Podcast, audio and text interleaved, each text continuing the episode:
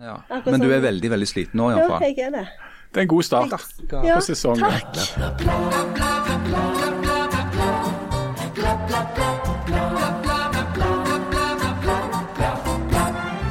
takk. Get a room!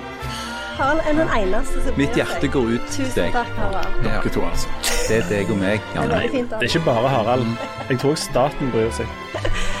Staten bryr seg litt, men ikke L'État, c'est moi.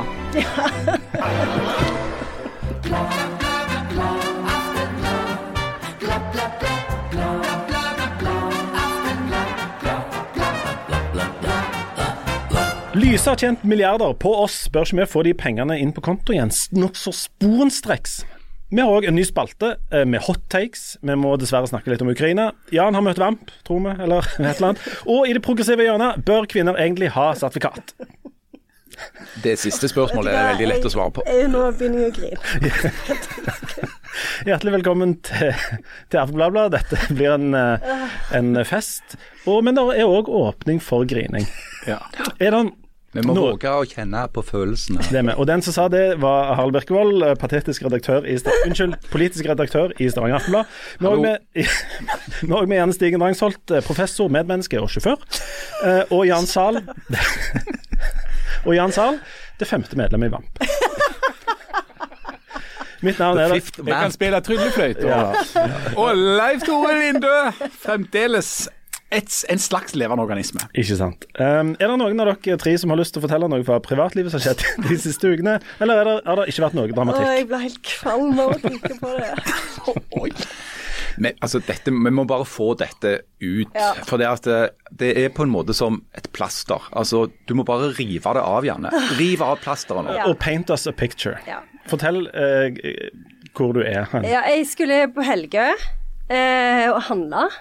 Dette var rett etter forrige podkastinnspilling. Ja, og jeg sa jo det at jeg hadde en sånn veldig god strategi om å stenge av alle følelsene. Ja. Og det fungerte jo veldig bra. Helt til det ikke fungerte så bra lenger. Uh, og det var Så jeg, jeg Det er litt sånn Jeg fikk litt blackout, jeg husker ikke helt hva som skjedde. Men, men altså, Janne, du må sette oss litt inn i situasjonen. Du er, Hvor er du nå? Hva er det du driver på med? Hva, hvor, hvor er du rent fysisk? Nei, altså, når, jeg, når dette skjedde Ja. Nei, da, da var det var ettermiddag. Eh, veldig sliten. Skulle kjøre på Helge Hamla. Jeg vet ikke om dere har vært på Helge på Sande, men den er liksom delt inn i to platå, på en måte. Parkeringen. Ja. Og så skulle jeg parkere liksom rett foran inngangen, men på det øvre platået. Der du jo hører hjemme. Ja. Ja, ja. Og så var jeg veldig fornøyd. Og så skulle jeg jeg husker jeg at jeg skulle, og jeg kjenner jeg er så kvalm når jeg snakker om dette. Jeg skulle, jeg skulle ta, og så eh, Jeg tror det som jeg skulle gjøre, var at jeg skulle trykke på bremsen sånn at, eh, og sette den i revers, sånn at ryggekameraet kom på, sånn at jeg var sikker på at jeg var inn forbi de hvite stripene. Ja. Men, på, så, men så glei foten, sånn at istedenfor å trykke på bremsen, så trykte jeg på gassen. Og bilen skøyt framover. Og de som var i bilen med meg, de, de ble helt sånn Hva skjer nå? Og han føyk liksom mot det nedre platået. Og jeg var sikker på at nå nå bare hopper han liksom inn og ender opp inne i butikken. For Det er som en sånn så Mission. Impossible-film. Ja, du det er bare det fyker faktisk. av gårde. Ja, det er det. Ja. Og så trykte jeg jo på bremsen. Men på det tidspunktet så var jo bilen allerede over denne her eh, eh, Hva det jeg skal kalle den kanten, da. Ja, rabatten. Rabatten, på en Mm. måte. Så da, da sto han jo der.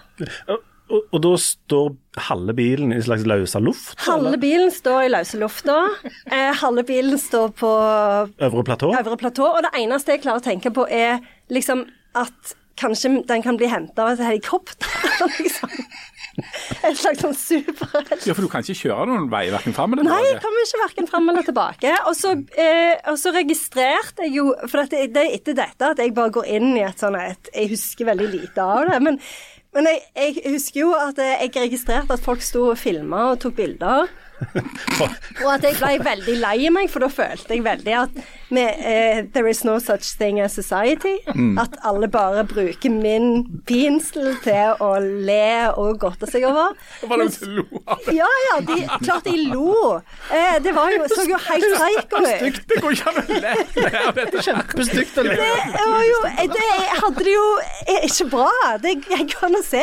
Vil du si at du grein bitte litt? Ja, jeg grein jo, men jeg hadde jo ikke kontakt med følelsene mine, så jeg var bare helt sånn kald på innsiden. Jeg tenkte, jeg skjønner ikke hvordan dette skal gå til, at vi kommer oss liksom vekk fra dette. Og så, men så etter hvert så begynte jo folk å prøve å hjelpe.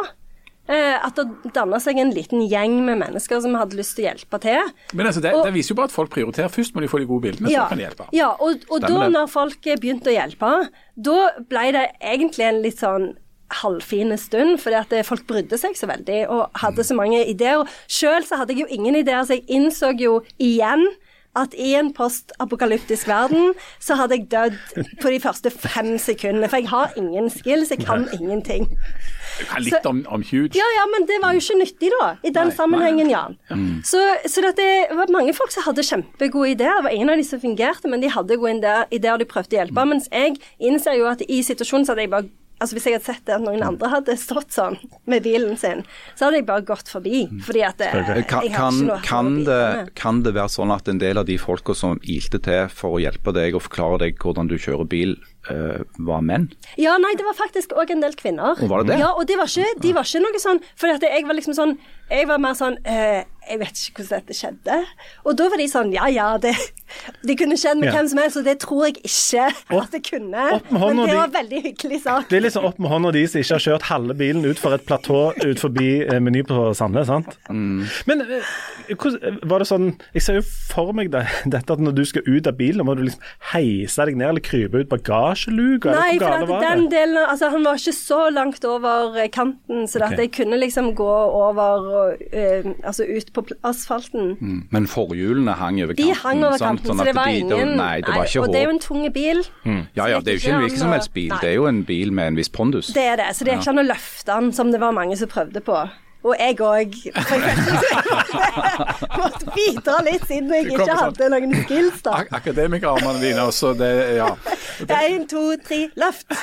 Ingenting skjedde. Du, eh, si, Ja, uh, siden, vi, siden vårt konsept uh, langt baki der er et slags uh, individ i samfunnet, og samfunnet i individet um, Denne reaksjonen til, til de rundt, for det, det, det er noe merkelig det der med at første reaksjonen til mange er jo da å filme og ta bilder. Og jeg må bare si det, dette finnes der både video og bilder av, sant? Ja, og hvis noen legger de ut på sosiale medier, så hater jeg de Ja. med hele mitt hjerte. Og ikke gjør det. Vi har til og med fått tilsendt bilder av dette fra velmenende folk. helt Og det er vi veldig takknemlige for. Ja, vi er veldig takknemlige. Jeg er glad for at jeg har sett de. the fuck up. Ja. Men men vi har altså bestemt oss for å, selv om Si at 75 her inne syns det er en kjempegod idé å legge ut dette, så skal vi ikke gjøre det. Nei, for Og, da er vi ikke bestevenner lenger, Nei. og det mener jeg. og, og, og du mener, håper på alvor at folk ikke på en måte publiserer dette, selv om de på en måte bare tenker at det, dette er morsomt. Ja, jeg bare syns at det er vondt å se på, og jeg syns at det var òg litt sånn vondt at folk tok bilder av det, for å være helt ærlig. Men jeg syns at det at det var så mange som prøvde å hjelpe, var tilsvarende fint, da. Vil du si at du har fått opplevd samfunnets både lyse og mørke Ja, side på et par det. Mm. minutter? Men at det gikk ut i null, liksom. Ja, litt på plussida faktisk, for de som stoppet for hjelp og var såpass hyggelige. Eh, men, men så til slutt så måtte vi jo løse dette ved hjelp av en kranbil, da. Eh, og den kom jo, han rista veldig på hodet. Eh, var, eh, jeg prøvde liksom å få litt sympati fra han òg. Ja. Liksom, at han òg skulle si For han har jo vært borti sikkert tilsvarende situasjoner. Å, ja. eh, så jeg var litt sånn, ja, eh, dette at jeg hadde lyst til at han òg skulle si at dette kunne skjedd alle. Mm. Men han var ikke så på tilbudssida med det, da. Jeg har blitt henta to ganger sånn bil av forskjellige årsaker. Ikke like på en måte spektakulære ting som deg, men reaksjonen begge gangene til han kranbilfyren har vært å komme ut og ta sånn Akkurat, ja. Og riste litt på hodet. Det er ikke mye å hente der. Tar noen bilder for å liksom dokumentere skaden. Og liksom gjerne øke litt sånn den dårlige stemningen ved å si at her liksom dette, her kan det være at bilen må kombineres. Men- men- og når han sa det, da fikk jeg et lite breakdown. Ja. Men jeg kjenner jo veldig godt igjen den der følelsen av, av eh, den totale mangelen på sånne praktiske skills, for det er jo jeg òg, da. sant? Eh, Sånn at det, I sånne situasjoner Jeg hadde en sånn i vinter der vi skulle kjøre og hente noe ved på hytta, for det var så høye strømpriser. Og vi hadde så mye ved. eh, Og da kjørte jeg ned en sånn vei for at vi skulle slippe å, å dytte all denne veden på et trillebår så langt. For jeg har jo så akademiske armer at det er jo forferdelig tungt og fælt. Eh, Så, så, så liksom for gjøre det litt lettere, da. Og det endte jo selvsagt med at vi kom jo opp igjen. Selv om jeg mente at dette kom til å gå helt fint. Så der sto jeg jo spant. Eh, og da, hva skal du da gjøre? Ja, hva gjorde du? Nei, jeg spant litt til, så prøvde jeg å kjøre opp baklengs, og så spant jeg en stund den veien. Eh, så jeg sto jo der som en Jeg tosk. tipper det kom en fyr med traktor til slutt. Så kom det kjørende forbi eh, tilfeldigvis en sånn person eh, fra lokalet der, da, med en sånn ATV. Det, er jo sånn jeg, ok, jeg kjører på ATV, hva er det for noe? Og så viser jeg at tilfeldigvis var det en vinsj framme på den Ja. De har jo alltid det. Ja, eh, men så var det sånn, ja, men hvor kan vi feste denne koken? Jeg aner ikke. Jeg har en sånn Tesla-bil, jeg. Så Ja. jeg er grassat tung og svær og, og veldig sånn fin i om jeg, panseret, eller hva det var. Men akkurat hvor det er sånn krok, aner ikke. Så jeg ble gående rundt og, og googla for å prøve å finne ut hvor det var en sånn, var en sånn krok, etter at jeg hadde stått og, og klapt og, og, og liksom dratt de forskjellige ting på den andre bilen. Og på et visst tidspunkt der så var jeg tilbøyelig til å bare si altså bare fest den der kroken i et eller annet her. Hadde, altså Hvis det hadde vært til meg, så hadde den bare blitt dratt av hele karosseriet. Men så var det jo dette, så, så jeg sto på sida som en, som en imbesile tosk, da, mens dette, disse praktiske menneskene Jeg sto der med mitt hovedfag og min enorme universitetsutdannelse. Der sto de som hadde en kunnskap som kunne brukes til noe, og fant ut av alt. Og jeg var liksom helt sånn plassert på sida av. Og det er sånn, I sånn, sånn kjønnsrollesammenheng så er, jo, så er jo det òg en interessant opplevelse. for det at det, eh, OK, ja, hvis fordommen er ja, damer kan ikke kjøre, de kan ikke ordne, de kan ikke ordne kranbil, alt det greiene. Prøv å være mann, da. Da er jo forventa at du skal vite hvor, hvor festekroken og, og, og, og jekken og eh, alt det der greiene Lynsjesdag. Eller lynsjestemning, alt det der greiene, hvor det ligger hen.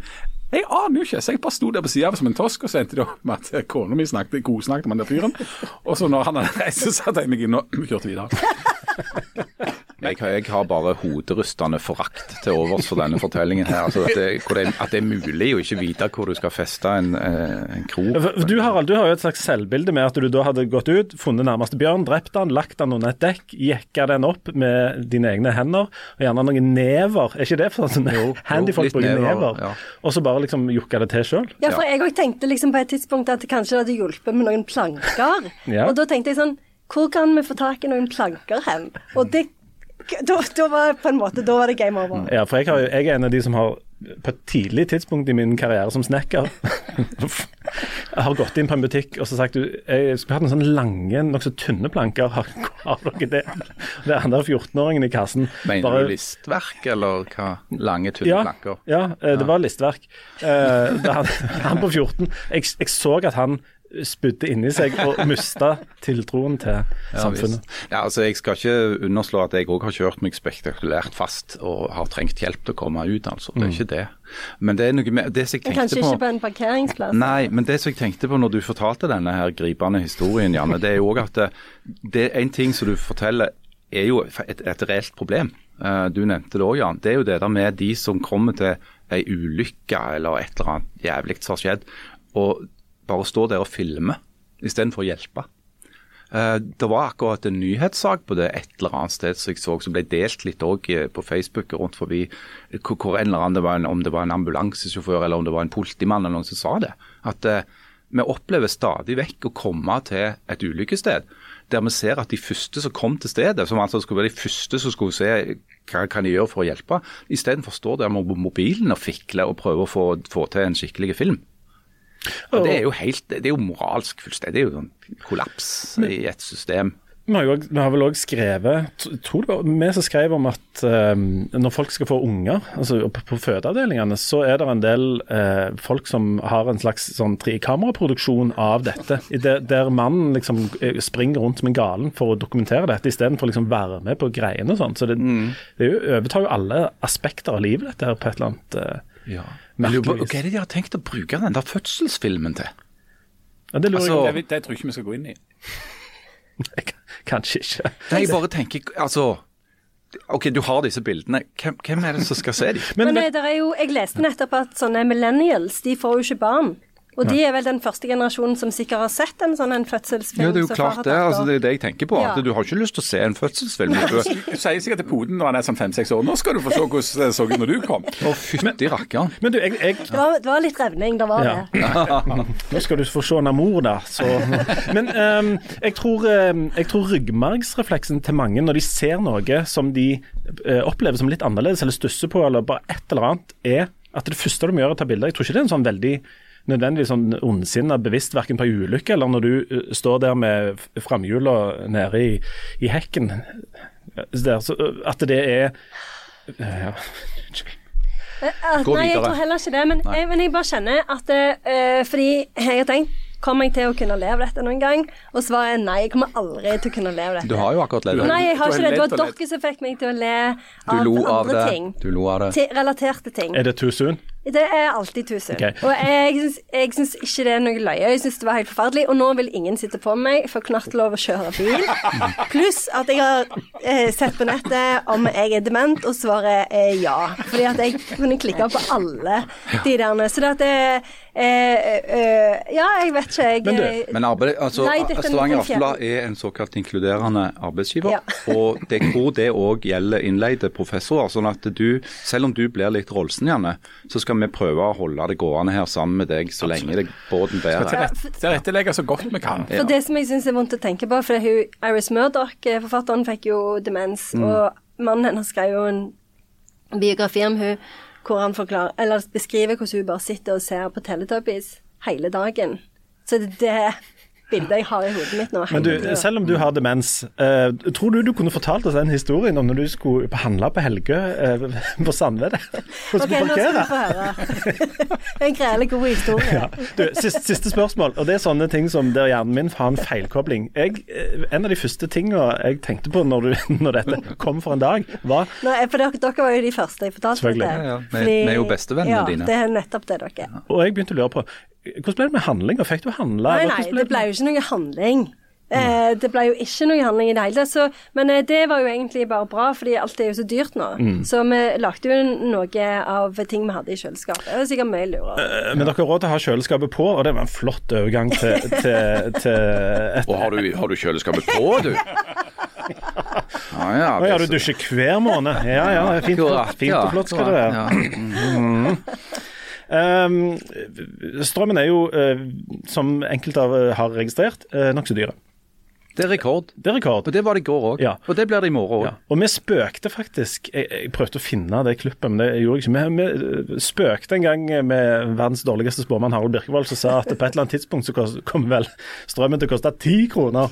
Eh, og det humra vi litt av det. Um, og nå er vi på sånn syv-åtte. Ja, hvis- hvis den bare fortsetter sånn som man har holdt på de siste tre-fire ukene, så kommer han til å koste ti kroner før vi har høstferie i skoleverket. Nemlig. Og vi, vi, vi skal ikke snakke veldig mye om, om årsaken til det, men Den uka der det er tvungen avspasering. Det er ikke Ja, det, ja, unnskyld, det er ja, tvungen avspasering. Men, eh, men uansett, da. Men bare det at vi har begynt å snakke om, om strømprisen i kroner istedenfor øre, Ja, spesielt. er en ganske s- sånn, sprø ting. Snart snakker vi om han i euro. Ja. Ikke sant? Ja. Eller Vi gyll. burde jo egentlig snakket om han i euro uansett, for det er jo det er jo det, det er. Det er jo det det er. Eh, men når vi betaler masse, så er det noen som tjener masse penger uh, på uh, strøm. Og Her er det jo en sånn herlig runddans med at eh, noen av de som tjener masse penger på strøm, er eh, Lyse, som med ad omveier eh, sitter og eier. Altså, eh, Jan og Janne og Harald og meg eh, eier litt av Lyse av ad Ja. OK, den omveien, da. Det er kommunen. Det er kommunen. Det er kommunen. Uh, Lyse tjener kolossalt med penger nå. Og siden kommunene eier Lyse, så um, er det da kommunene som eh, kan tjene på dette. Med mindre disse lysepengene skal gå rett i uh, våre lommebøker. Uh, for her har um, Høyre og Venstre bl.a. foreslått at en del av dette, disse overskuddene rett og slett skal bli cash inn på våre kontoer. Hva er tanken bak det, Harald? Tanken bak det er vel at eh, det, er en form for sånn der eh, Altså en kompensasjon eh, med utgangspunkt i at ok, når staten på den ene siden av staten, selveste staten, håver jo inn store beløp på dette. Og så disse her kommunalt eide kraftselskapene, som Lyse er et eksempel på, håver inn store beløp. Så burde en på en måte dele de ut igjen. For dette er snakk om en sånn ekstraordinær inntekt pga. en ekstraordinær eh, prissituasjon. Um, og så er det jo da selvfølgelig en masse diskusjon eh, blant politikere og mellom synsere og kommentatorer om hva som er den beste måten å gjøre det på. Noen har jo snakket om de skal innføres en makspris på strøm. Det er ikke så enkelt som noen skal ha det til, for det er massevis du må tenke på da. Andre har tenkt ok, en sånn flat stønad, kan det være mer eh, effektivt å gjøre? Atter andre sier at eh, kommunen er jo oss. Sånn at hvis kommunene får mer penger fra Lyse, fint, for da kan de bruke masse penger mer penger på sånn kommuneting som barnehager og skoler og eldreomsorg og alt det andre som kommunen skal gjøre. Eh, og Da går det jo òg på en måte til oss, bare indirekte. Eh, sånn at jeg, jeg sitter ikke her og har noe svar på hva som er den lureste måten å gjøre det på, faktisk. Men, men altså en eller annen form for altså Det er en slags logikk i at hvis kommunen om det er Sandnes eller Stavanger eller Sola, som er med og er aksjonærer i Lyse, sier til Lyse, som de tydeligvis har gjort på et møte i går, at eh, vi vil ha mer penger av dere, og vi vil ha de fort fordi strømprisen. Så må jo den inntekten òg disponeres på en eller annen måte som har med strømprisen å gjøre, tenker jeg. Det ville være logisk.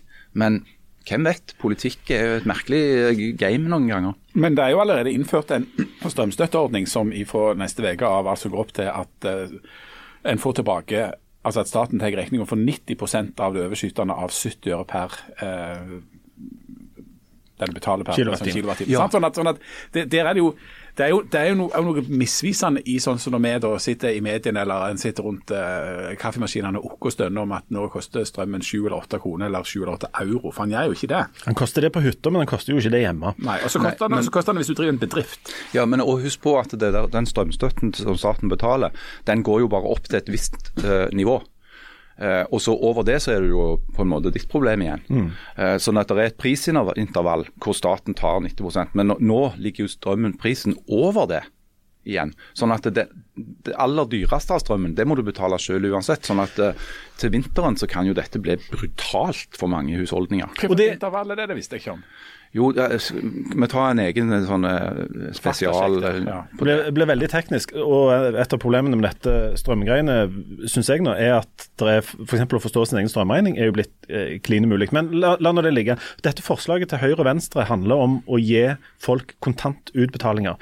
For, og, og Dette er bare et eksempel som de har kommet med selv, dette er ikke finregna på. Men at eh, hver person f.eks. kan få innbetalt 5000 kroner Um, en familie på fire får 20 000, og så er det opp til Altså, alle får det, og så er det opp til de sjøl å um, disponere det. Mm. Det var en veldig søt kommentar fra uh, Kjartan Lunde var det det, i Venstre som sa at da kan jo f.eks. folk bruke det på enøktiltak. Det kan de. Så, som jo er det alle sånne familieråd handler om. Ja, ja. Enøk, og sånn. Eh, ikke hvor vi skal reise ja. til Syden, nei, til Stavros. Men, men det som er, jeg vet at dette er litt en sånn, dette er litt en sånn gjenganger fra min side, men jeg syns det er viktig å minne om at hvis det nå blir delt ut veldig mye cash til folk i histen og pisten fordi at du skal eh, sukre pillen fordi at det er så dyr strømpris. Så er det et annet dyr i skogen som lusker rundt, som heter Ida Wolden Bakke. Og er sjef i Norges Bank. Uh. Sånn at hvis det kommer for mye cash i omløp, så vil Ida Wolden Bakke, der hun sitter i sitt hjørnekontor eh, i Norges Bank-bygget, sitte og tenke hm, det spørs om vi ikke må sette opp renta litt mer, sånn at vi får tatt de pengene inn igjen. Sånn at du kan si at staten tar, eller gir med den ene hånden og tar med den andre. Eller, fordi at eh, offentlig pengebruk, ifølge Norges Bank i alle fall, ifølge dogmatikken i norsk økonomisk politikk i generasjoner, har vært at eh, hvis staten ser at Norges Bank ser at eh, oi, her er det, nå stiger prisene, må være holde igjen, så setter de opp renta. Og Da har det ikke så mye å si om du har fått noen tusen i ekstra strømstøtte, hvis de blir dratt rett inn igjen på det du betaler på renter på lånet ditt. Og Det illustrerer det som jo er det håpløse, og som egentlig ikke burde være en oppsiktsvekkende ting å si, og som gjelder de fleste ting, nemlig at det er komplisert. Det er så mange forslag til altså sånne eh, fikse måter å, å, løse dette her på. Så he, alle har det til felles at de har såkalte uintenderte konsekvenser, som en snakker om i sosialøkonomi. Uintenderte konsekvenser. Altså, Det høres f.eks. enormt fint ut dette med makspris. Eh, At en setter en veldig sånn lav makspris på, på strømmen. Det, det som er konsekvensen av det, er jo um, at, du, at det er ingen insentiv for å bruke mindre strøm og mindre energi. Og, og en av grunnene, Den viktigste grunnen til at det, prisen på, på, energi er så høy, er at det altså er for lite av den, så vi må bruke mindre av den. Så at staten da skulle bruke en masse penger på å stimulere til økt energibruk i en periode der det er for lite energi, fungerer f.eks. ikke så veldig bra. I tillegg så vil jo det òg eh, stappe mer penger inn i økonomien fordi at folk da ikke hadde så høy strømregning, som igjen ville hatt eh, konsekvenser for renta. Sammen med disse, med disse bedriftene, det høres jo fint ut. Ja, ja, bedrifter de må jo få strømstøtte. Ja vel, men hvem er de bedriftene som har, har forsikra seg og tenkt framover og, og inngått avtaler om en fastpris som er lav? Skal de da straffes for det, for at de var eh, smarte? Ja, og de bedriftene som for tiden går så det griner, Ja, fordi at Som er eksportindustri mange bedrifter i Norge nå. i mange, mange bedrifter i Et Norge av problemet er vel at det går så hakkende godt for for så mange. for det at Når vi er turister når vi er turister og har sommerferie i utlandet, så okker vi oss over at å, euro nå koster jo Du må jo ha en lastebil med kroner for å få tak i en euro.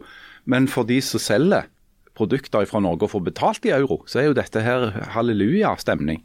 Eh, og Skal du da dele ut flat strømstøtte til bedrifter som går med milliardoverskudd, eller skal du forbeholde støtten de bedriftene som for tiden sliter?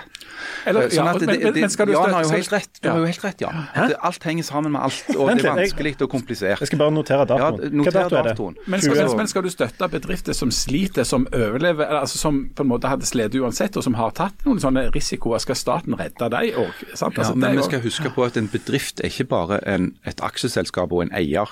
En bedrift er òg en haug med ansatte Ja, som jobber i den bedriften, eh, og som kan risikere å bli permittert eller i verste fall arbeidsledige fordi at bedriften sliter med strømregningen sin. Du, du kan f.eks. tenke deg Si du er en, driver et lite bakeri, da. Ikke et svært bakerikonsern, men et lite bakeri. Et bakeri bruker mye strøm. Det, det, det, det er sier jo seg selv. De må jo bake hver eneste dag. Eh, et lite bakeri har, ikke, har vanligvis ikke lagd en smart avtale med strømleverandøren om, eh, om, om sånne future-kontrakter og eh, styr og stell. De betaler regningen sin sånn som andre, alle andre bedrifter. De har kjempeproblemer nå. Det kan jo være at du kan se at det er noen, noen sektorer som er små, men bruker mye strøm, som kunne hatt nytte av en eller annen form for ordning. Men igjen, det er veldig vanskelig å, å avgrense. Akkurat som når, øh, når SV har- et velmeint og på mange måter tilsynelatende fornuftig forslag til hvordan du skal innrette eh, strømstøtte til private. Så sier at eh, du skal få billig strøm til vanlig forbruk, og så skal det være dyrt til luksusforbruk. Da er det òg selvfølgelig med en gang noen som rekker opp hånda og sier hvordan definerer du det? Og Det har ikke SV et godt svar på, det har ingen et godt svar på. Men må da, da må du definere det. da. Hva er luksus her? Er det det første boblebadet, eller er det det bare det på hytta? Hos oss er det boblebad nummer to. Ja. Det er det å elektrifisere sokkelen? Ja. Oh, Ja, da, nei, nei, nei, don't get me started. Men du, det, det, det som Jan sier, utrolig Du har mye medvind her i dag, Jan. Du har rett i mange ting. Men det er jo ekstremt komplisert. Men det er òg en sånn en store, litt sånn store diskusjon på litt sånn overordna nivå her, som handler om eh, når på en måte vi eh, plutselig sitter på masse penger, om det er hvem som disponerer de best, om det er privatpersoner, eller om det, om det er det offentlige som skal på en måte ja, ta, ta de pengene. For disse lysepengene de kommer jo inn til kommunene. Og, og kommunene kan jo velge å dele de ut, eller de kan bruke de sjøl. Og det er jo komplisert. Det er jo litt som å parkere på øvre nivå. Unnskyld. Vi skulle ikke snakke om Nei, det nå. Men uh, Janne, hvem, hvem stoler du mest på? Uh, hvis, vi har, uh, hvis vi sitter f.eks. på uh, si 20 000 da, ekstra penger som vi kan bruke til et eller annet, syns du at kommunen ved Strand i Virak skal bruke de til et eller annet, eller vil du ha de i egen lomme? Jeg syns det er utrolig vanskelig, fordi at det, sånn som i Sandnes f.eks., så er det jo mange mange ting som de pengene godt kunne ha blitt brukt på. F.eks. Mm. så har vi jo ganske altså Skolene er jo i veldig dårlig stand eh, i Sandnes. Så eh, jeg har jo litt lyst at de skal bruke de til de, men jeg har jo ikke lyst at de skal bruke de på å lage en ny ishall. Så, så jeg syns det er veldig vanskelig å vite. Og så syns jeg òg at det, det er jo veldig mange som sliter nå. Eh, og som syns, og som, som, som har det veldig vanskelig økonomisk nå.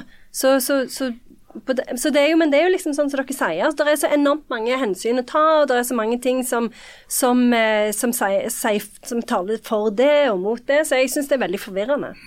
Jeg, jeg har lyst til å bruke en analogi her. altså kan du si at det, det offentlige, kommunen f.eks. Er det noe grovt? En analogi er ikke Ja. noe grovt. Det, det, er på en, det er på en måte et, et bilde som du kan bruke til en form for sammenligning. Ja, det, ja. så det fins finnes sånne grove bilder på Men jeg vil bare si at hvis du da er en kommune f.eks., så er det som å sitte i en bil og vurdere om du skal bremse eller gi gass. Jeg, jeg vet ikke hva jeg skal si engang. Jeg tror vi For nå føler ikke jeg Nei, at vi samhold. er så bestevenner Jeg tror vi må ta som en jeg trodde.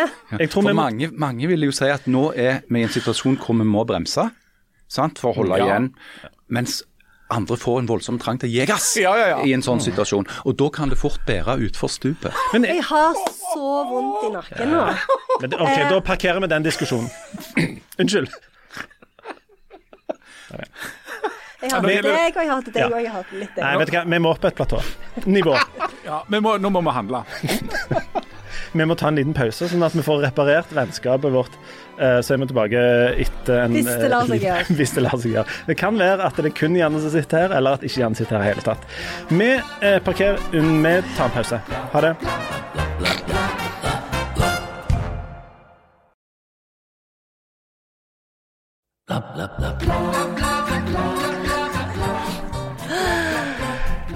Og hjertelig velkommen tilbake til eh, Aftenbladet. Eh, før eh, pausen så eh, hang vi jo dingla litt over kanten der på dette med Unnskyld. Fingeren Ja, jeg gjør det. Hjertelig velkommen tilbake til Aftenbladet. Du Jan, har jo vært i Haugesund på filmfestival. Ja, det har jeg vært på filmfestival. Hvordan uh, Ja, hva syns du da?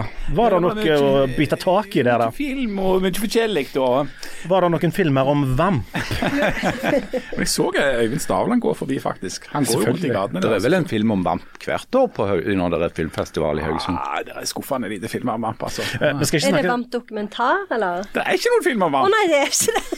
Hvorfor snakker du så mye om denne Vamp-dokumentaren som er Men hvorfor traff du Vamp, da? Nei, jeg traff han ikke, han bare gikk forbi mens jeg satt inne og å ja, fikk hele er min god Vamp en soloartist? Jesus Christ. det, Men det går vel fram av den dokumentaren? Hva type? Du må se dokumentaren for å se deg litt opp på vamp. Ja, Den kom, den går på, nekt, kom på Netflix, den gjør ikke det? Den kommer på, på Jeg vet ikke, er det, Har de en Netflix-avtale på den Vamp-dokumentaren? Men filmfestivalen i Haugesund er jo på mange måter en slags naturstridighet. Det er jo eh, veldig rart, egentlig, at Norges største filmfestival ligger i Haugesund. Og Vamp. Jo, men Marilyn Monroe kom jo fra Haugesund. Ja, og så, og da, så da ble det jo kjempelogisk. Sånn at det, at det, det er Altså, han eh, Odda Williamson, han hadde jo en slags eh, Han drev med sånn roasting i dette Amanda-showet, som var sånn woke roast, så det var jo ikke så Ja, det liker ikke du. Nei, det liker ikke jeg. Men, men Hva eh, er woke? det sånn la oss nå ikke gå ned Nei, den mørke avenyen der. Men, men han, han, eh, han hadde jo også en sånn omtale om, eh, om filmfestivalen i Haugesund, og Haugesund sant? Som Da var liksom Ja, filmbyen med liten F. Og eh, hva skal vi, og hvorfor ligger liksom en festival for en masse filmer som en egentlig spiller inn i Øst-Europa? For det er jo det norske filmskapere gjør når de ikke går inn, de reiser til Øst-Europa og filmer det. Hvorfor ligger det i Haugesund? Jo, fordi Haugesund er Norges svar på Øst-Europa. Mm. Og liksom filmbyen med liten F for fordi at ja, det har aldri blitt laget en eneste film her. Det, blir, altså, det er jo ingen film i, i, i Haugesund. Sånn at det, det er på en måte den ene ekstremen av, av, eh, av filmfestivalen i Haugesund, mens da Liv Ullmann, legenden, går opp. altså Det var hennes bilde som pryda eh, festivalplakaten i år. Det var liksom 50-årsjubileum. Hun gikk opp og sa at det var den fineste filmfestivalen i verden. Altså naturen og folk og stemningen og alt i hop er helt fantastiske. Jeg tror nok sannheten ligger en, en slags plass i midten der, da. Og så I tillegg til, til denne Vamp-dokumentaren, så så du jo òg denne Krigsseileren-filmen. Ja. og der er jo selvfølgelig uh, Norske regissører har jo prøvd å drukne Kristoffer Joner i 20 år nå. De får ikke livet av han. Nei, tar ikke livet av han. Og her er de i gang igjen. Um, og det er den uh, dyreste filmen i Norge noensinne. Ja. Kan du se det? Ja, du kan se det fordi at det er ganske stort tenkt eh, og mye sånn ut på havet og, og spektakulære scener ut på havet og sånt. Jeg tror det er Vamp som eller er den eh, eh, Vamp-dokumentaren eller den er nei, um, men, men uh, 'Krigsseileren' er en god film. Ja. uh, og den, har fått, den fikk jo veldig gode eh, god kritikk av altså Både femmere og seksere. Her i avisa så, så, ga Kine Hult en femmer, og det er jeg enig i. Um, han, er, han, er, liksom stort tenkt, stort lagte, um, og handler jo om noe som er en veldig interessant historie i Norge, nemlig behandling av, av krigsseilerne. Altså hvis du, hvis du, var sjømann jeg vet ikke om folk er klar over dette, hvis du var sjømann i utenriksfart når, da krig, andre verdenskrig brøt ut, så fikk du etter hvert beskjed om at dere får ikke komme til land, dere får ikke komme til Norge, dere skal seile for Norge eh, fram til denne krigen er slutt. Altså Litt sånn som beskjeden som gikk ut til folk i Ukraina, eh, altså menn mellom, i en viss alder, at dere får ikke forlate landet, dere skal være her og slåss. Um, Sjømennene var jo sivile, de var jo ikke militære i det hele tatt. og De, de gikk da i på en måte konvoi og, og frakta både mannskap og utstyr eh, eh, for de allierte. Og har i ettertid det blitt sagt eh, av prominente folk at de var kanskje noen av de som var de viktigste som i bidraget til at de allierte faktisk vant krigen. Altså De var helt, helt eh, essensielle. Og en drøss av de gikk ned og ble torpederte. og de som kom hjem, de kom jo ikke hjem i sånn samla flokk på på la gutter fra skauen som kunne gå opp Karl Johan og ha sånn eh, fest og feiring. De kom hjem én og én. De kom hjem uker, eh, måneder, år etter at krigen var slutt. Og de ble ikke tatt imot med flagg. Folk visste ikke helt hva de hadde gjort. Eh, til alt overmål så ble de revkjørt noe ganske grundig av sånn økonomisk system. De hadde betalt inn masse penger til et fond som heter Nortraship, som de hadde store problemer med å få penger ut av. Mange av de hadde det som det ikke fantes ord for da, nemlig posttraumatisk stressyndrom. Mange av de endte opp alkoholiserte ødelagte som menneske. Eh, og, og, har liksom ikke fått oppreisning før det ble altfor sent. Så dette er, det er så mye sterkt og, og, så mye bra i den historien der. Og så er det jo da en film som er lagd i Bergen og ifra Bergen. Dette er, eh, Det har blitt lagd masse krigsfilmer om gutter på skauen og Max Manus og, og, folk borte på Innlandet der. Men, men Gunnar Vikene som står bak dette, han er en av de som insisterer på at du skal fortelle filmhistorie for hele Norge. Norge er en kystnasjon den, det perspektivet der har omtrent ikke blitt fortalt før. Så han, han, har, han forteller om sjøfolk og liksom arbeiderklasseperspektivet og kystperspektivet på, på, krigen. Veldig god film. Kommer, kommer 23. september. Spørsmål. Tror du den filmen òg har et potensial ut for Norge? Ja, og han skal ha sånn eh, fancy eh, premiere på eh, filmfestival i Toronto. Det kryr kry av filmfestivaler. Alle land har masse av dem. Noen av dem har høye prestisje, andre av dem har mindre høye. Men Toronto er en av de store. da. Og det, det, åpner nok opp for at dette kan ha internasjonalt potensial, ja. For det er jo norskspråklige norskspråklig film. Ja, det er sant? Det, tenker du at det er potensial for at det blir laget en sånn der versjon altså, av noen? Nei, nei, han er norskspråklig. De, de får ikke gjort noe med det nå. Det er på en måte Ja, for De gjorde jo det for med den der Insomnia i sin tid. Å ja, sånn ja. ja.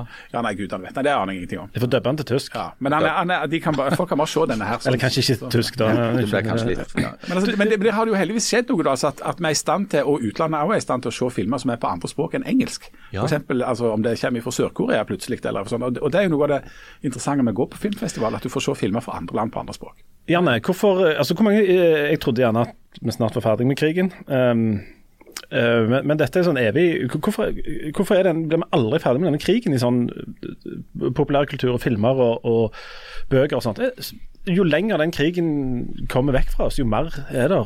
Det er vel kanskje litt eh, pga. den der Jeg tenker ofte på den der Jonathan Saffron Foyer-boka, den der 'Terribly Loud and Incredibly Close', som beskriver en, en gutt som har en far som dør i 9-11. Og det er jo liksom det der med hvordan du skal bearbeide traumer, at det egentlig er jo er noe som du ikke har eh, ord for da, i lang, tid. Og når du har liksom en hel Ser jeg Harald rekker på nå, men jeg skal nei, men det, det var bare snakk. Jeg hadde bare en tanke. Eh, nei, jeg bare eh, Når, når eh, Altså, når du har et sånn et verdenstraume, da, så er det jo naturlig at det tar mange generasjoner før du liksom setter ord på kompleksiteten i det. fordi at det, rett etter krigen så har han jo et sånn veldig behov for å liksom bygge landet og være liksom Jo, men alle var jo med i motstandsbevegelsen, og utenom de og de skal vi ta, liksom. Altså at du har litt sånn svart og hvit, da. Enten så er du god, eller så er du ond. Men så er det jo det der med at du innser at det, eh, etter hvert at det er ganske mye sånn nyanser her ute og går, og at det, det, er fortellinger som ikke har blitt fortalt. fordi at en har jo ikke kapasitet heller til å fortelle alle fortellingene. fordi, nettopp fordi det er så mye som er ødelagt, og fordi at det, ja, eh, hele byer og hele land liksom ligger brakk, nesten. Så, så det at det, jeg tenker at det, det ja, det er jo kjempeinteressant med en del av både de bøkene og filmene som har kommet blitt kommet ut i nyere år, hvor han liksom får fortalt alle de historiene som og, og tar tak i de historiene og lager historier ut av det. For ellers er det jo bare altså Det er jo sånn som du sier, de kommer hjem én og én. Eh, det er ganske mange ting som, som, som eh, Altså ganske mange fakta som må organiseres, sånn som det der med at de ikke får utbetalt pengene som de egentlig har krav på, og sånne ting. Men alt det der ligger jo bare som sånn fakta. Så det er noen må jo ta tak i alle de faktaene og faktisk lage en historie ut av det. For, for, alt jeg vet, så kan det jo godt være at Gunnar Viken har snakket om dette her. Eh, for jeg har ikke hørt han si noe. Men det skulle ikke forundre meg i alle fall om, ikke, om, om han har sett på den enorme suksessen som Jon Michelet opplevde når han lagde den serien sin om skogsmatrosen, eh, krigsseileren. Eh, altså Det ble jo en, en lesersuksess nesten ut av skalaen. Um, Jon Michelet fikk jo, som dessverre døde før den var, var fullført, uh, hadde jo aldri opplevd noe i lærheten av den populariteten han opp, oppnådde ved å skrive om krigsseilerne. sånn at jeg tenker at det er fortsatt et sånt Dette er et slags nasjonalt traume. Måten krigsseilerne ble behandla på er et nasjonalt traume og en nasjonal skamplett. Og, det har jo òg blitt erkjent, altså helt opp til kong Harald, eh, som har snakka om dette. Men jeg skal, kan jeg bare, ja, ja. for det, det, er jo veldig interessant det der med at eh, Altså, for det er jo en del altså Det er jo nasjonalt traume, verdenstraume og personlig traume. For det er jo mange som har besteforeldre som Altså, jeg har jo besteforeldre som deltok i krigen, og, og det er jo altså det er jo veldig mange som aldri fortalte noe om hva de opplevde. sånn at det, det er jo mange sånne ting som bare ble fordekt òg, og som, som, ikke noen hadde lyst til å snakke om. Det er jo mange ting som en òg finner ut av nå. At å ja, men kanskje Kanskje det var egentlig det som var fortellingen. Ja.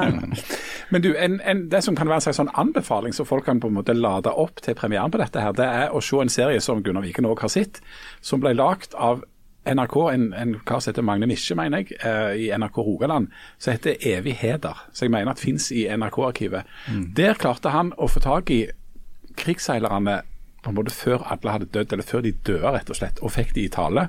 Og fikk de til å snakke. og Den historien, altså den serien er helt vanvittig sterke. Det er noen snakkende hoder eh, som sitter og, og, forteller, men altså, det er helt vanvittige historier. Og flere av de historiene vil du finne i 'Krigsseileren'.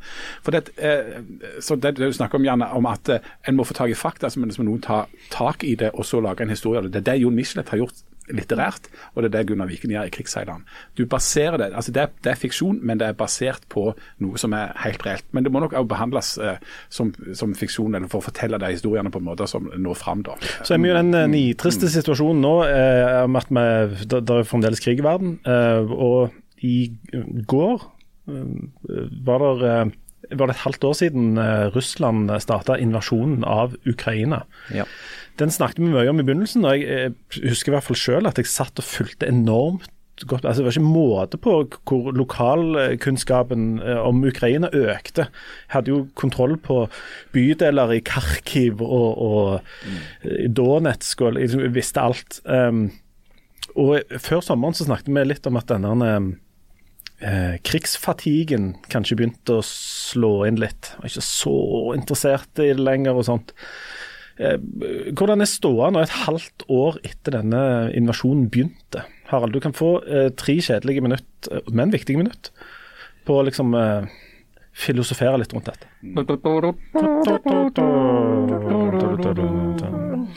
Ja. Altså, som du sier, så var det jo på altså i går et halvt år siden invasjonen.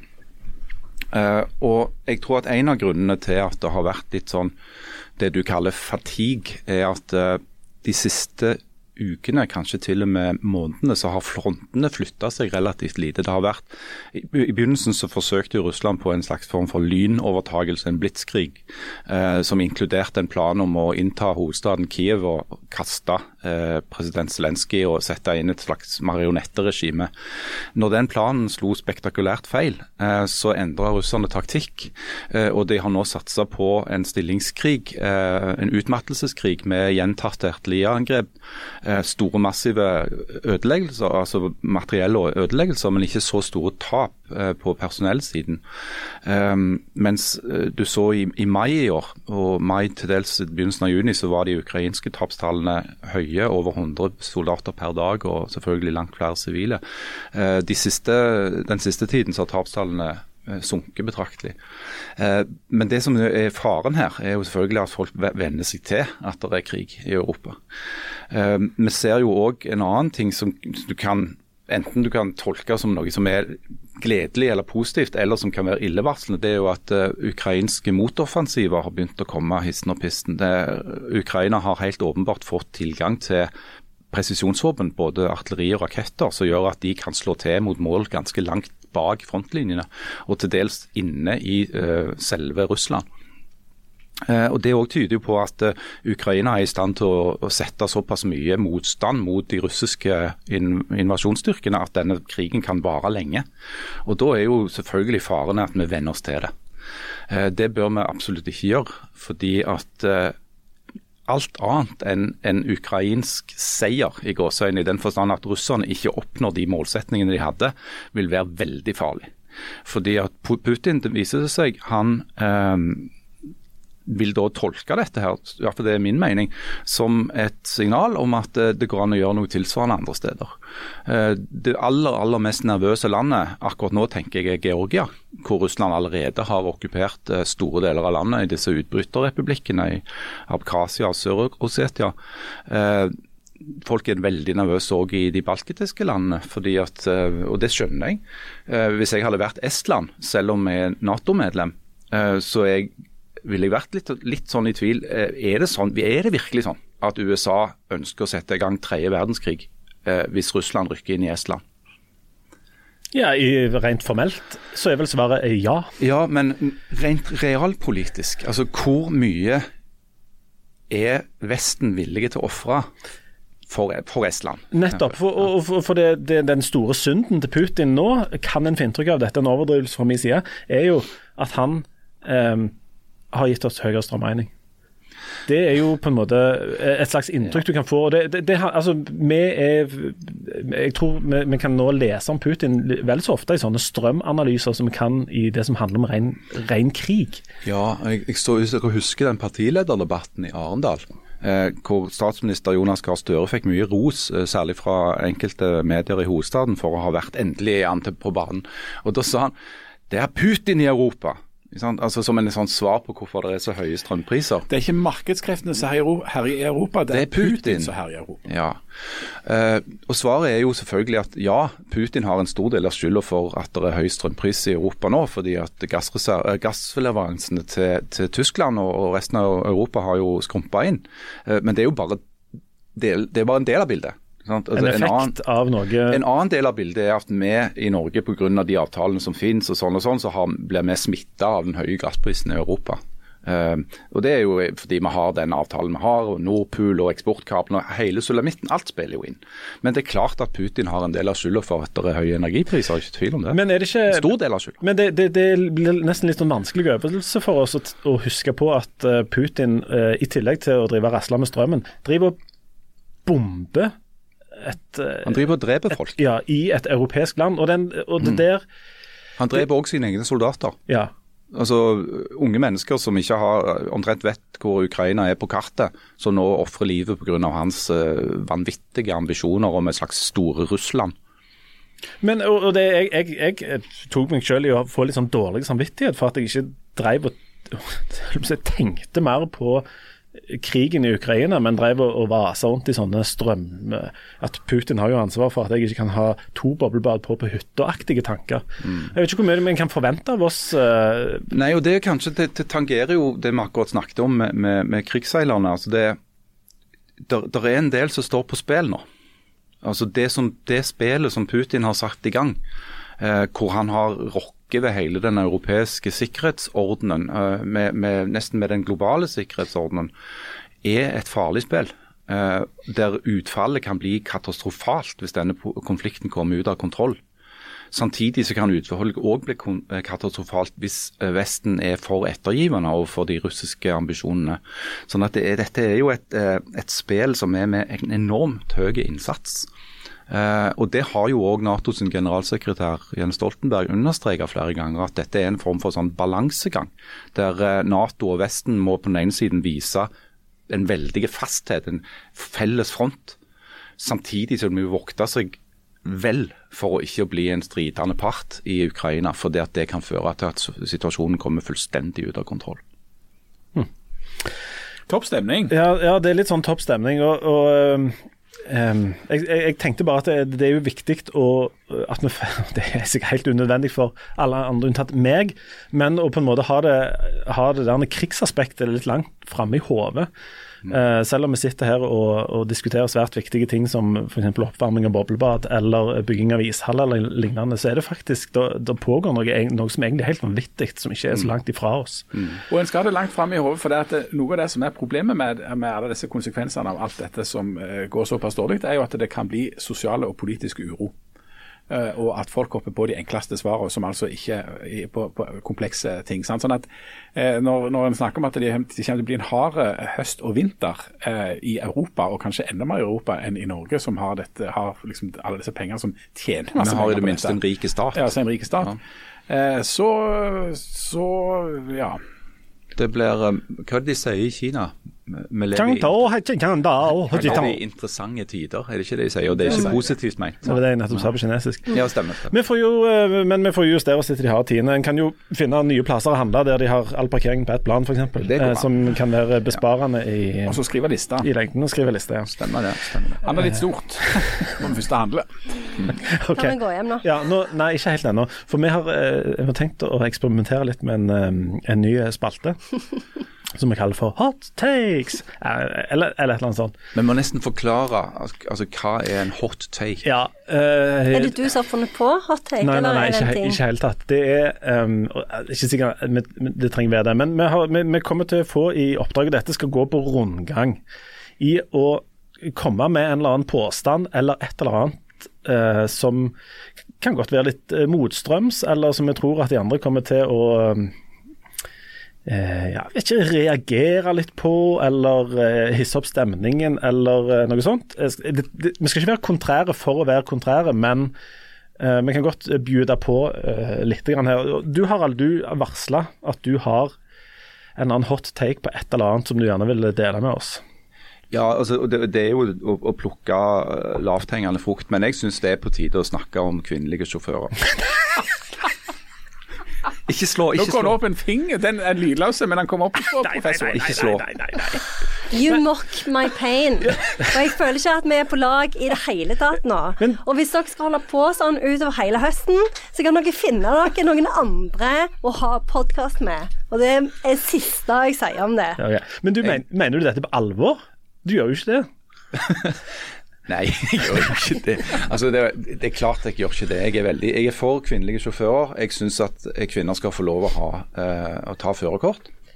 Uh, Med prøvetid? Det gjør jeg. Ja, men altså Frihet under ansvar kaller jeg min løsning. Altså, De kan få lov å få uh, førerkort, men da må de kanskje være litt forsiktige med hvor de parkerer. og og, og gjerne, altså De kunne hatt sånn de, vet De som er under sånn opplæring, de må ha sånn L Mm. Og de kunne jo hatt en sånn K. Mm.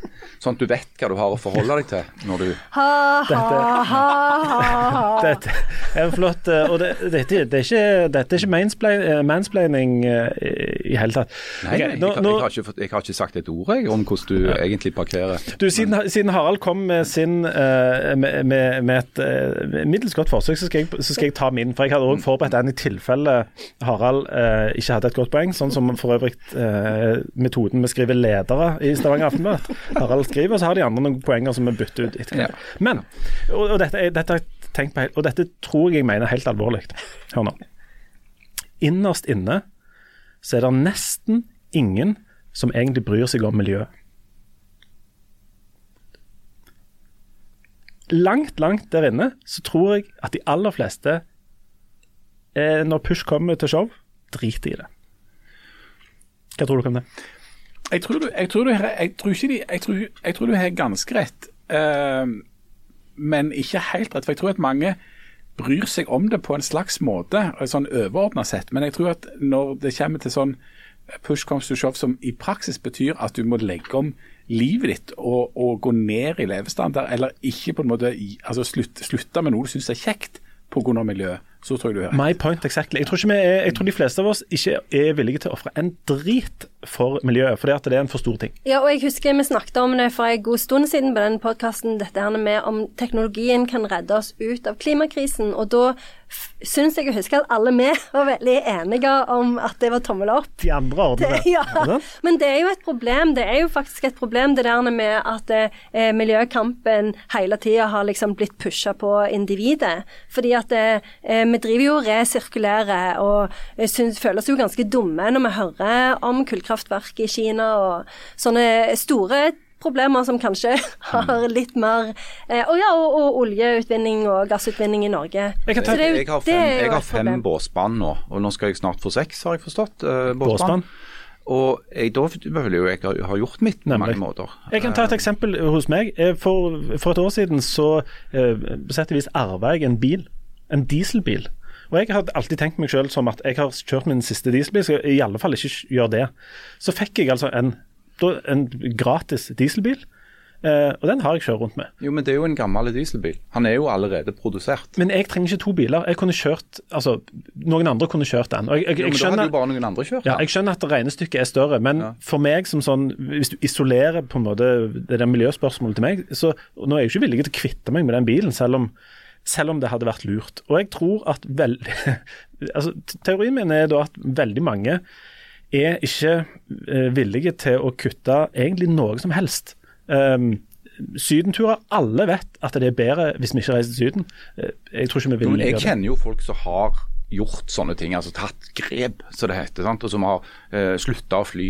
Hvor mange da? Nei, bare noen. Altså, Det er nesten ingen, men det er noe, jeg kjenner noen som, som beviser mitt poeng. Men jeg tror at det nærmest har et tall, dette her. For Hvis du tenker tilbake til forrige stortingsvalg, så var altså miljø lest opp og vedtatt, spesielt av, av, hovedstadspressen, av den nasjonale pressen, da, som den store saken. Det var det som kom til å avgjøre valget i år. Det kom en klimarapport fra FN som var helt sånn kjempedramatiske. Alle spådde og trodde at nå kom MDG til å virkelig slå gjennom i eh, norsk politikk. Det endte altså med at de fikk 3,9% og ikke kom inn på Stortinget. Og jeg tror at av de 3,9% ikke engang alle de de kom jo inn på Stortinget med tre mann. Ja, ja, de kom, ja, de kom inn på Stortinget med tre mann, men de kom ikke inn med den der store gruppa som, som, som, alle hadde trodd. Og Det viser noe, det, det sier på en måte litt at, at den store politiske saken, men når du står der helt for deg selv inni det der avlukket Du er alene. Det er ingen som ser deg, det er ingen som vet hva du faktisk gjør. Og så, og så tenker du ja, det, nå må jeg jo velge, nå må jeg prioritere mellom noen saker her. Da, ja, da, da var det altså 3,9 eh, som, som, tenkte at det var MDG. Og hvis du skulle sett på, for det, for det er på en måte mest sånn hardcore og, og, og enspora på denne saken, og har jo etterpå selv evaluert seg som altfor humørløse og ekstremistiske i det. Og de eneste som, som mener, som, og de eneste som mener at vi må altså at det må sånn dramatiske kutt som òg rammer oss personlig. Ja. Altså, og, og, jeg tror ikke, og jeg tror ikke engang at alle de 3,9 som stemte på det, faktisk gjør disse tingene. For jeg tror òg noe av, av, tanken er at når du stemmer på noe, eller liksom sånn signaliserer et eller annet, så, så, outsourcer du litt av ansvaret. Da, ja, men da kan de ta seg av det, eller da kan de på en måte gjøre det, og så reiser jeg til, mm. til Stavros. Mm. Jo, MDG, ja, også, MDG, MDG ikke trekk Stavros inn i dette. altså, men, MDG har jo gått foran og sagt at, og det har jeg gitt de ros for òg, for det at de har sagt ja, strøm må bli dyrere. Akkurat som bensin og diesel må bli dyrere. for det, det, det, er bare det som kan gjøre at vi bruker det mer fornuftig. Eh, og Så kommer jo de andre dinglene etter. Det var ikke så mange dager siden eh, Barth Eide, altså klima- og miljøministeren, vågte seg frampå med å si det samme. Eh, for det, dette er jo ikke et populært synspunkt. Det er, ikke et, det er ikke et populær politikk å si til folk som sitter nå og ser på denne vanvittige strømprisen at eh, sorry folkens, men det er altså sånn det kommer til å bli framover. Men nå begynner det å sige inn hos flere og flere at dette er ikke nødvendigvis et unntak. Det kan godt være at det blir dyre strøm lenge. Men nå er det jo sikkert litt òg, for det er jo undersøkelser som viser at Norge er, eller folk i Norge er de største miljøskeptikerne i verden. Eh, og det er jo sikkert litt fordi at vi ikke kan se det. Altså Vi kan ikke se at det har skjedd noe med naturen. Vi merker jo at liksom været kanskje er mer ustabilt, og at det er liksom mer regn kanskje er det nå. Eller det er jo ikke mer regn, det er jo mindre regn. Nei, det er jo ikke regn. Nei, jeg vet ikke. Rare ting. Men, men så at jeg tror litt av problemet er at vi, vi liksom Vi tror ikke helt på det. Nei, og, og, og, i den grad Og, nå skal jeg være helt sånn ærlig. Jeg, jeg tenker jo, f.eks. når jeg sitter på hytta. Hytta er noe jeg aldri burde ha lagd hvis jeg virkelig var, altså, mente alvor med miljø. fordi at det er en, en, en, sånn second home som jeg på ingen måte trenger, og der det bare står, bare står og holder lunk i den og i, i boblebad og sånt. Eh, og hvis det er sånn at klimakrisen fører til at jeg får eh, noe lengre sommer, så kan jeg ta meg sjøl i å tenke ja ja, det er ikke så ille det ikke er godt for noen. og, det, og, det, er litt sånn vondt. I tillegg, jeg, jeg, tror at vi bruker det miljøgreiene Jeg tror det er blitt sånn poseringsting nummer ono. Fordi, og, og igjen, jeg kan bruke meg sjøl som eksempel. Jeg kan si sånne ting som ja, det er så gale med at altså folk, det, Klesindustrien er en stor synder her. Du, og jeg kjøper ikke klær. Um, fordi at vi kan ikke holde på sånn. Sannheten er jo at jeg aldri driver og kjøpt klær. Jeg driter i klær. Men jeg tar noe der jeg allerede Så da er det lett for deg å si at jeg, jeg skal ikke bruke så mye penger? Jeg, gjør noe som, jeg gjør noe som jeg allerede gjør. Så skriver jeg, det bare, jeg skriver det bare over på en ny konto. Ja. Og så sier jeg at ja, øh, øh, reising og sånt er så Uff, nei, ja. Jeg reiser jo ikke mye jobb, kan jeg si. Og Det er jo fordi at ingen spør meg på jobben når vi reiser noen selv plass. Fordi at jeg, vil jo at du skal dra og se på Gunsen i Sevilla. Og... Ja, det gjorde jeg. Og så er det sånn klesgreier, så øser jeg meg opp på det. Og så, ble, så snakker vi med noen kamerater som reiser til England og ser en fotballkamp som går på fjernsyn. Ja, selvfølgelig. Ja, ja, klart det. Jeg driter jo 110% i det miljøavtrykk. Og så, nei, flyet går jo uansett, og jeg har alltid når jeg har brukt en bil. Så jeg mener at jeg har midt på det absolutt tørre når jeg sier at de aller fleste av oss innerst inne det kan være at vi bryr oss litt, men vi er ikke villige til å løfte en lillefinger for å gjøre noe med det. Mm. Vi er ikke villige til å ta noen personlige omkostninger for å redde klimaet. Nemlig. Nei, det, derfor, det, tror jeg jeg er enig med deg i. Det er derfor noen må altså det, det, Så det er politikerne sin feil, tenker jeg. For at de må bestemme eh, ting som er lure å gjøre. Men så er jo ingen som er enige om hva som er lurt å gjøre heller. For det er jo sånn som du sa, Jan, at det er jo ingen som Det er ikke nok folk som har tiltro til de tiltakene som f.eks. MDG eh, foreslår, da. Eh, og de som er eh, De som faktisk har makten, de de orker ikke å, ja, å innføre noe, så innfører de feil ting. De som har makten har jo lagt et system som har gjort at strømmen er blitt dritdyre. Ja, og så ble folk rasende ja, på dem. og så foreslår de sånne ting som elektrifisering av sokkelen, som jo er tydeligvis et dysteforslag. Ja. Så det, det, det, er derfor det ikke fungerer. Nemlig. Og, hvis, og jeg, også, jeg tenker jo at det hadde vært fint hvis politikerne bare uh, bestemmer noe, sånn at jeg, jeg slipper det der ansvaret. sant? Og så uh, bestemmer de noe som fører til at strømmen blir dyrere. Skjerp deg, politikere! Holde på, sant? Da vil jeg jo ikke være med på det. Og alle vil jo ha ledelse helt til de får det, og da vil de bestemme sjøl. Mm. Uh, og det der og dette her, den, eh, Min litt sånn hot take på at vi egentlig ikke bryr oss, tror jeg òg fører til at de politikerne som på ekte bryr seg, og på ekte har lyst til å gjøre noe med dette her, eh, lykke til til de. Mm. Eh, de tror jeg skal få mye god sånn motvind i året som kommer, der folk kan si ja, jeg er helt enig med deg, jeg syns jeg er veldig godt poeng. Jeg stemmer på noen andre. På den annen side, igjen strøm. Nå har vi en situasjon hvor hva var det, en meningsmåling, sånn, fire av fem nordmenn vil ha makspris på strøm. Eh, 99 av 100 nordmenn er helt sjokkert over hvor dyr strømmen er blitt. Eh, massevis av folk er sinte på politikerne. Men Stortinget kommer ikke til å gjøre noen ting med det. Systemet for eh, altså markedsmekanismen som ligger bak eh, kablene til utlandet, hele sulamitten, kommer til å bestå. Og Det er vel et eksempel på at politikerne de er sånn Ja, vi hører hva dere sier, Ola og Kari, men eh, sorry, men vi må altså gjøre det på denne måten fordi klima, fordi eh, EU, fordi kloden, eh, bla, bla, bla. Sånn at Det er vel òg et eksempel på at du har politikere som faktisk har en plan, og som bryr seg litt lite om hva velgerne mener om dette her. Og Det er vel òg fordi at de vet veldig godt at eh, det er ikke nok velgere som vil gå til et eller annet parti som vil legge ned eh, strømbørsen eller eh, kutte kablene, selv om det er faktisk ingen partier som har foreslått å kutte kablene. Eh, noen har stemt imot å bygge nye kabler, men det er ikke samme som å kutte. Så, sånn at det, er litt interessant det der. For det, akkurat på det området der så virker det, altså klima- og miljøområdet så virker det som det er en del politikk som blir ført litt sånn på tross av velgerne, istedenfor på grunn av dem. Og det er derfor vi har valgt de. Det var altså eh, eh, Det var min eh, første lille ansporing til, til Hot Take. Neste uke så får Jan ansvar for å hive seg ut i salaten. Også, hvis det er, det mer om kvinnelige sjåfører? Nei, den, den diskusjonen har vi parkert. Ja. Det har vi sagt. Har vi parkert, ja. Vi, kan I løse luft, vi kan ikke stå med, med to hjul og dingle i den. Jeg har lyst til å komme med en anbefaling. jeg skal bare før du før, Nei, hvis du skal si én ting til, så går jeg. Ingen, ingenting. Jeg skal si dette uten og, og på en måte gå inn i den menyen. Jeg vet hva du kommer til å si nå, og jeg vil ikke høre det. Jeg skal bare si, Hvis noen har ting dere vil vi skal diskutere, så kan dere sende oss forslag. Det, det må kunne formuleres på én setning. Det må være litt, eh, litt edgy. Eh, Send det til bladblad aftenbladet.no, bladblad i ett ord. Der kan dere òg sende oss all slags annet uh, vas og tøys, men gjerne noen forslag til noen hot takes. Vær så god, Janne. Hva har du på menyen? Jeg eh, vil anbefale en serie som heter Bad Sisters. Har dere sett den? Nei. Nei. Det har bare kommet to episoder. kommer en ny episode hver fredag på Apple Pluss. Det er en serie om noen søstre i Irland, tror jeg, som har Det er fem søstre, og så er hun ene gift med en som de kaller The Prick. Eh, og han er en skikkelig prick òg. Og han dreper de andre søstrene. Og så handler det om liksom tilbakeblikk. Hva er det egentlig Altså, har skjedd? Han dreper ikke de andre søstrene, Nei, de andre søstrene ja, dreper de dreper han. Ja.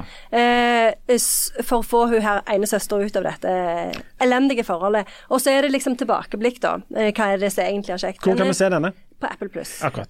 Jan, vil, Altså- du, Jan, vil du anbefale Hva? Bad Sisters som handler om en prick, det høres jo ut som Ja, Don't go there, don't go men there, eh, don't men go eh, eh, vi har jo eh, kutta ut eh, en TV-kanal i forsøk på å spare verden. penger. En TV Hva var det, Max? Nei, hva var det? TV Det var en TV-kanal hvor det plutselig var veldig mye bra. Var det Amazon Prime? Ja. Dere måtte Ja. kutte en, et abonnement for å få betalt han der med bergingsbilen. Men er dere inne igjen på Amazon Prime? Nei, for at nå følte jeg at vi måtte vente en måned siden vi tross alt hadde sagt at det abonnementet. Har, jeg har abonnert på Amazon Prime av én grunn, jeg, og det var den der The Expanse, den der serien der. Den der, eh, Expanse. The Expanse, den der sci-fi-serien. Ganske kule. Det er et slags West Wing i rommet. Å ja. Du anbefaler den. Eh, Jan anbefaler selvfølgelig Vamp-dokumentaren. Jeg anbefaler. Evigheter på NRK. Arkiv. Evigheter, hva er det? Evigheter. Det er den uh, Serien om, serien- om ja. og Mm. Jeg vil anbefale en bok, jeg. Den, eh, den, No, no. Patetisk redaktør. Ja, er det leksikon du skal anbefale der? det er ikke et leksikon, det er den nye romanen til han Kjartan Fløgstad fra Sauda. Å ja. Uh, du så det den? Habeas corpus heter den. Uh, ja, jeg, har, jeg, jeg er halvveis. Det er veldig interessant. Uh, det handler litt om det som vi har egentlig snakket om på, på, i dag. For det handler litt om hvordan folk i, som bor i veldig interessante tider, f.eks. Uh, hvis du bor, eh, studerer juss i, i Tyskland på 1930-tallet, så var det jo en politisk bevegelse som oppsto i Tyskland på 1930-tallet. Så, altså hvordan folk Korpsbevegelsen. kroppsbevegelsene og andre bevegelser, og, og hvordan folk, vanlige folk da, eh, tilpasser seg ganske ekstreme politiske tider, eh, som er ganske interessante. Hvilken kanal går dette på? Det går på kanalen. Cappelen eller. Ja. Eh, Jeg skal også anbefale en ting, og det er et internettfenomen som jeg har gått helt glipp av, helt i min gate, som heter Between Two, two Ferns. Har dere sett det? Og med Det han Zack. Galafinakis, Ja. eller hva heter det for noe. Det er altså små, Han gjør små intervjuer med kjente folk. Verdens verste intervjuer. Pinlig, vondt, smertefullt. Se på alt fra Justin Bieber til Barack Obama. Mellom to sånne bregner, er det ikke det? Ja, det er to sånne pynteplanter som de sitter liksom nærmest inni mens Ja. de snakker. Og så sånn lofi, knirkete spørreprogram der det bare blir vondt og pinlig, og de stiller alle de spørsmålene som ingen noen gang bør stille. Altså dette Between Two Ferns fins på YouTube, og jeg tror det er en Netflix-film òg. Fantastisk. Det er veldig, veldig bra. Jeg oppdaget dette i går kveld, oh, ja. og uh, la meg jo selvfølgelig ikke før klokka fem. Jeg har visst om dette i årevis. Det er jo storarta Men jeg ligger langt bakpå. Litt sånn som hjernenubb. Unnskyld. Um, da tar, er det noen som vil si noe mer? Nei. Jo, Nei. en ting jeg lurer på. Eh, måtte bilen på verksted? Okay, nå eh, Selvfølgelig måtte han på verksted. Ble det dyrt? Å, herlighet. OK, ha det. Ha det til alle. Ha det. Skal du kjøre tilbake, eller hvor? Du tar vel toget nå, eller? Om jeg kan sitte på Nei, det